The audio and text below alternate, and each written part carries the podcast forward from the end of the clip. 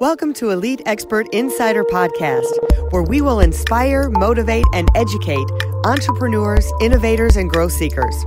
Brought to you by Elite Online Publishing, making the best and brightest in the industry number one best selling authors. 80% of people say they want to write a book. We're assuming that's the same for you. If so, contact us at www.eliteonlinepublishing.com and make your book a reality. Hey, Melanie Johnson here with another great podcast for you with my business partner and friend Jen Foster. How you doing, Jen? Hey, I'm doing great. Well, we have another super great podcast for you today. If you are frustrated with your doctor, your health care, feeling like they're not really giving you the time and attention you need and not trying to pay attention to the whole person and cure the whole person versus just doing something in between, so, listen, we're going to have a great podcast today. We're going to answer a lot of those questions for you. We have Saundra Dalton Smith with us. But first, we want to remind you to subscribe to the podcast right here. Hit the subscribe button. Do that right now because then you'll be alerted of all the great guests that we have. So, we're going to get started. But also, I want to remind you if you're thinking about writing a book, we'd love to have you submit your request to Elite Online Publishing. You can go to our website, and right there, you can submit your request to become an author with us. So, welcome, Saundra. Um, Hi. you so much for coming. Thank you for having me. So Saundra's written three books. Um, she is a doctor. She has had tons of experience with this. So we're going to get in deep. Tell us a little bit about yourself, Saundra. Well, I'm a board certified internal medicine physician. I've also taught classes on health and disease progression. I currently write and help people overcome their, their burnout situations. I help people kind of learn how to incorporate rest into their work days so that when they finish their day, they actually still enjoy their life. That sounds great. So, what are some of the biggest problems you're seeing um, people face with when they walk into your office? What are the most common things? Well, that's the thing. Most people, when they come into my practice, they're coming in because they're tired all the time. And many don't associate that with burnout or they don't associate that with needing to recuperate a rest deficit. They think something is chronically wrong with them. And occasionally that can be the case, but for a large number of people who are coming in, they don't have adrenal failure, they don't have thyroid disease. They actually just have a chronic rest deficit. And so it's helping people determine when they actually have a medical problem and when they have a lifestyle problem that actually needs to be addressed. Wow, I think that's really important nowadays. I mean, with high demand with work or self-employed or you know even any entrepreneur that owns a business, and you mm-hmm. don't think about um, it, you know it's not really talked about in America like to help yourself or to go on vacation or to make sure that you are looking at yourself first and helping yourself. It's all about you know making the money and making sure your kids are good. It's not no one ever talks about self-care or making sure you get enough sleep or making sure you're you know those kind of things. And what I find is, is often, yeah, and often what I'm finding is that when people do talk about it, they talk about it in such generalized terms that it's no longer beneficial for people. Um, and that's really where I started kind of diving in deep. I get reached my own level of burnout where I wasn't enjoying a career that I'd spent, you know, tons of years. It felt like getting ready for, um, training for, and, and doing all of that. And then when I got the career that I had been preparing for, I just really didn't feel like it lived up to its expectations.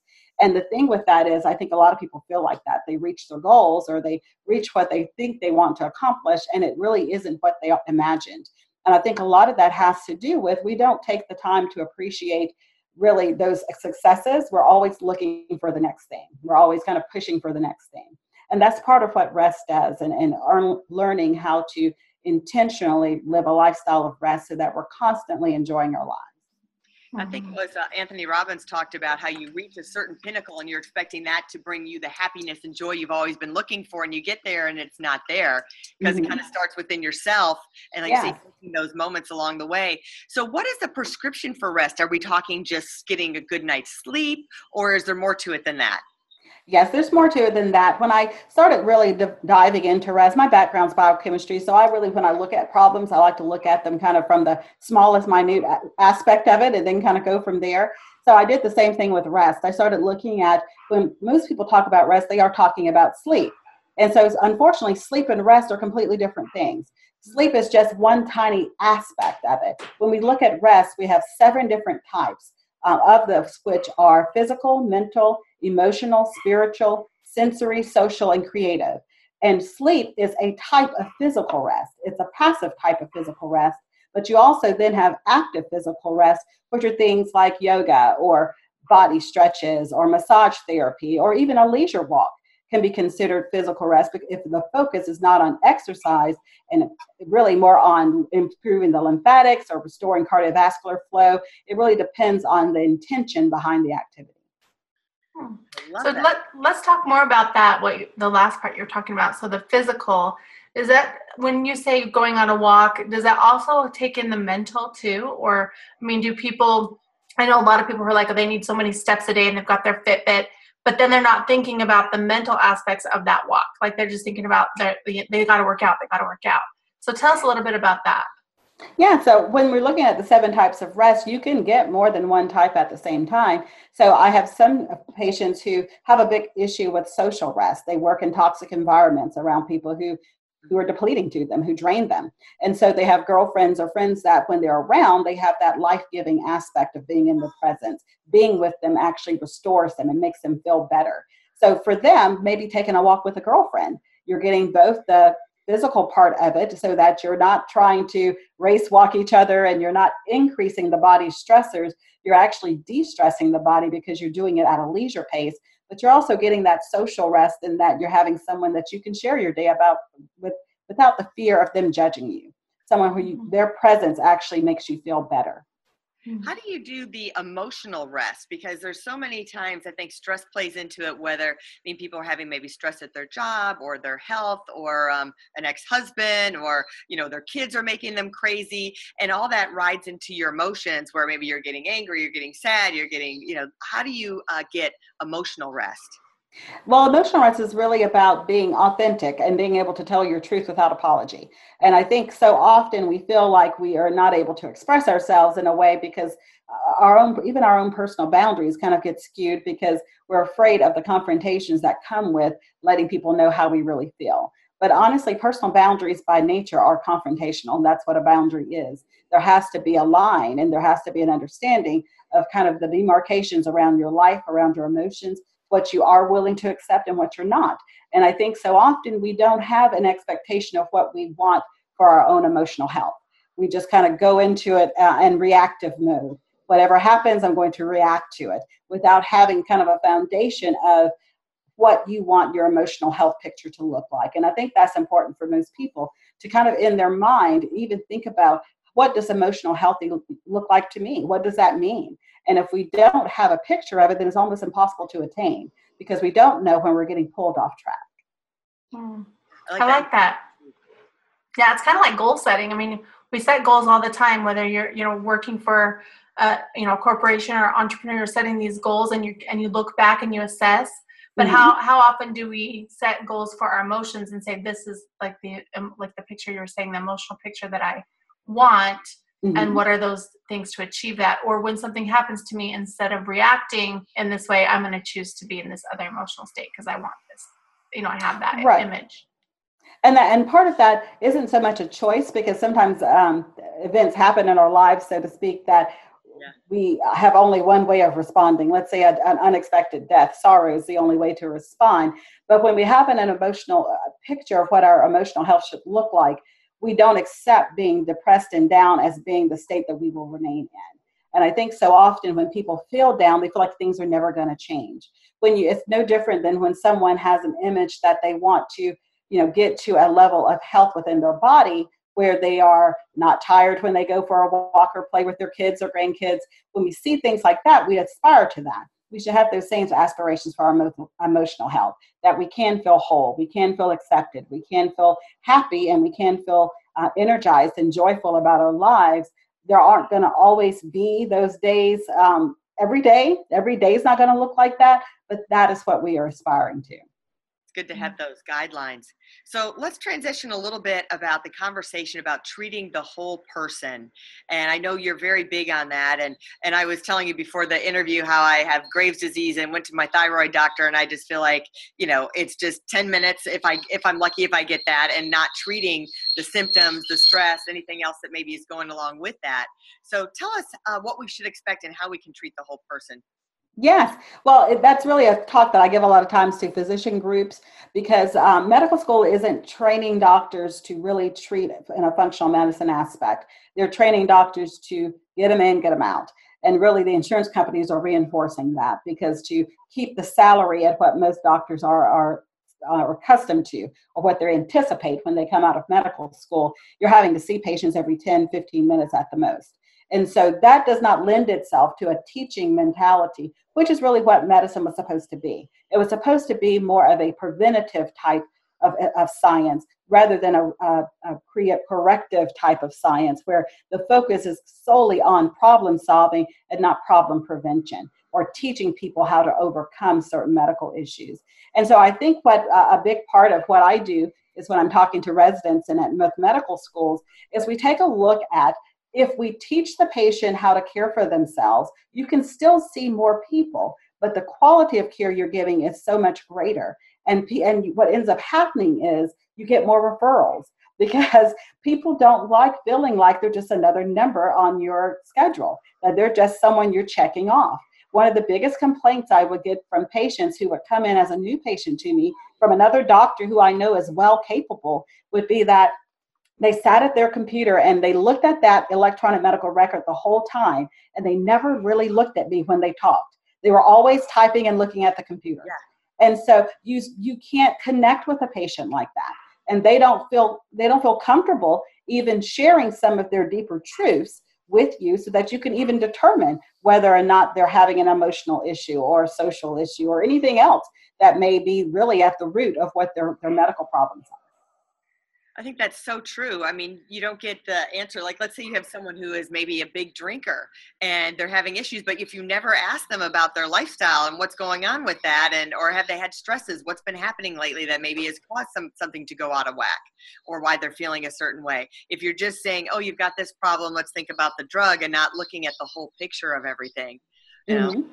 And it really just creates a, a a downward spiral because what happens is the patient comes in, they say, This hurts, this is out of balance, this doesn't feel right. They get a medication, they go away for three to four months, they come back, now they have another problem, they get another medication, and then before you know it, you got a 50 year old with seven pills, of which they may need one. You know, uh, tech truly may need one for high blood pressure or something, but all of these sleep aids and diet pills and all of this other stuff are things that really could be treated if we taught the person how to care for themselves. Yeah, let's talk about some of those things. So, so what are some of the things in your book that you talk about on how to take care of of yourself, what physically, or you know, with eating or with rest? Like, what kind of things do you recommend? Well, what I start most of my patients with is I have them start with an assessment to really find out which of the seven types of rest are most deficient in them. And I do that at restquiz.com. It's a free assessment that gives them I don't want to say a score, but it gives them a number for each of the seven types of rest so they can see where they're most deficient. What is it called again? What's the website? Rest, it's restquiz.com. Okay. And we'll put that so, up on the bottom. So once they take the assessment and they see which of the seven types they're most deficient in, then we kind of deep dive into that one. So one that a lot of people tend to have a problem with, uh, particularly with being able to sleep better, because that seems to be a big issue. People have very poor quality sleep. They go to bed, they wake up, they're so tired, their body aches, their mind's not clear. So we talk about just a really basic bedtime routine, just so that people can start getting into the, the mindset of what rest feels like for them. And so, for instance, with the physical aspect of rest, we'll have someone do, do a body analysis. What hurts before you ever get into bed? Is anything tense, tight, or uncomfortable? And most of us don't do that. We don't analyze what our body feels like, but your body is trying to always tell you when there's an issue. But if we don't shut up long enough to listen to it, we'll just keep ignoring it until it grabs us to get our attention. Hence the heart attack, the stroke, something that mm-hmm. you cannot ignore any longer. And so we teach people to try to start out evaluating what does your body feel like. And so if you have neck ache or body ache or back pain, then we can look at what's going on in your day that's feeding that because for most people it may be their posture when they're sitting at their computer or it may be how they're holding their phone when they're talking on it. I mean, there's a list of things that could be causing it. But when you get into the practice that this week I'm going to analyze my body, then when you start feeling those pains, you can quickly identify what you were doing before it and find out how to how to correct that situation. Um, another one is um, just having kind of this uh, what we call monkey brain, where your mind's just racing and racing. You try to lay down at night and you think about your to-do list the next day, or you're thinking about what you need to put in someone's lunchbox the next day, or kind of running through all those ideas. Or you could even be doing the woulda, coulda, shoulda conversation where you had a conversation with someone and you wish you'd said it a different way or handled a situation a different way, so you kind of ruminate over that conversation. Yeah. Those are the kind of things that keep people from going into deeper sleep because the mind says this must be important. So I'm going to hold on to this and not let it go, even though that is when you're needing to go into deeper sleep. You need to let it go to be able to rest well. So for many, keeping a journal at the bedside, a, honestly, could be a post it note. It doesn't have to be something big or fancy, but just a way to concretely write down whatever it is that's running through your mind so that it gives the mind permission to let it go because now it's it's saved it's preserved on that piece of paper and you don't have to try to keep it in your head you can release it so you can actually go into a deeper level of sleep. You know i love i've been using um, lately i've been using siri. My son is uses siri all the time. So mm-hmm. i've been like half asleep or woke up in the middle of the night had that monkey brain going and i say hey siri remind me to blah blah blah and then i know it's in my phone and i don't even have to write it down. I can just talk it from my bed. That's fantastic because you know so often people say, "Well, well, shouldn't I not do electronics right before I go to bed?" You know, the thing with the electronics isn't that the electronics in themselves are bad. It's oftentimes how we use them that are bad. We can use anything to work for us or against us, and that includes our electronics. So I think that's a great example of really how to use your electronics to work for you to live a more restful lifestyle. I love that do you think you can have a doctor um, explain to the doctor the type of treatment that you want or you really just have to find the right doctor that does that because either well it's one way or the other or it's personality because um, you know we have some doctors who particularly i hate to put it like this but older doctors who were trained under the mentality of you are the authority you are the doctor the patient has no say so it is not a patient focused patient friendly atmosphere in some situations where you have doctors who were trained under that mentality. However, um, most of the doctors that are coming out of training now are coming out with a more patient focused, um, patient friendly way of, of treating people. And that includes actually getting the patient's input on the care they desire. Because people are more likely to follow a treatment plan that they believe in and that they understand. And the key right now is that most people are given treatment plans that, first of all, they don't understand. So there's no way they can believe in it because they don't have the information to make a judgment call about what they're being given. So mm-hmm. true for um, mm-hmm. i can only relate to like i told you i had graves disease well still have graves disease and when i asked my doctor well is there anything else i should be doing? Should i have changed my diet? It's an autoimmune disease. Should i be doing something to boost my immune system? You know whether it's diet vitamins exercise? No just take the medicine I was like, really? Just take the medicine? It seems like there should be. I mean, it, your immune system's down. So eh, it, it, was my first red flag. I should have fired her. well, the thing with that, to be honest with you, that doctor probably doesn't know the because if that's a doctor that's not trained in functional medicine or that doesn't have a personal interest in it, there's nothing in medical school that would teach them about the nutrition aspect of it, the vitamin aspect of it, aromatherapy. There's nothing in medical school that would teach them about that.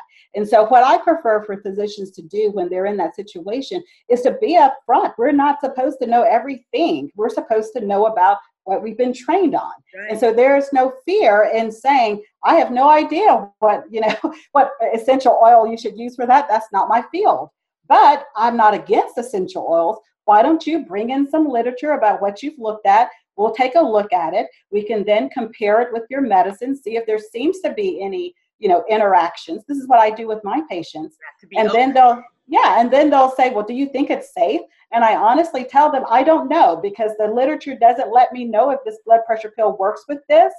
But it, from what I see, we can monitor your response to it. And if we notice a change, then we know that this isn't going to work for you.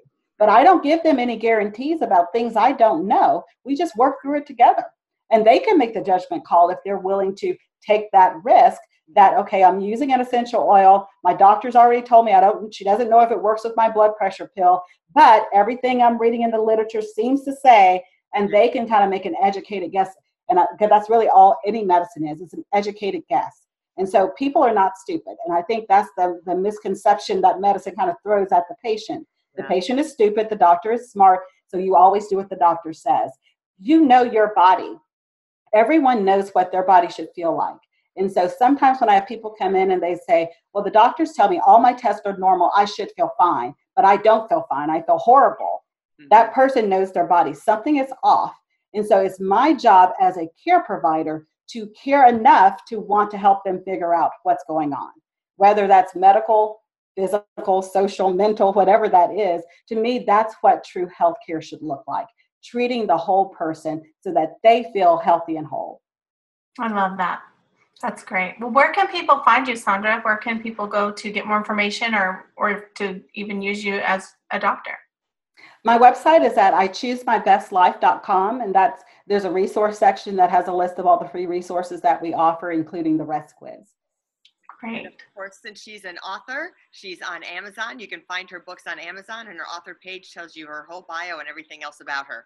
So you can find her there as well. Well, thanks for coming for another great podcast. Remember to subscribe to this podcast. I hope you got a lot out of it. I got a lot out of it. Um, I think Jen got a lot out of it too.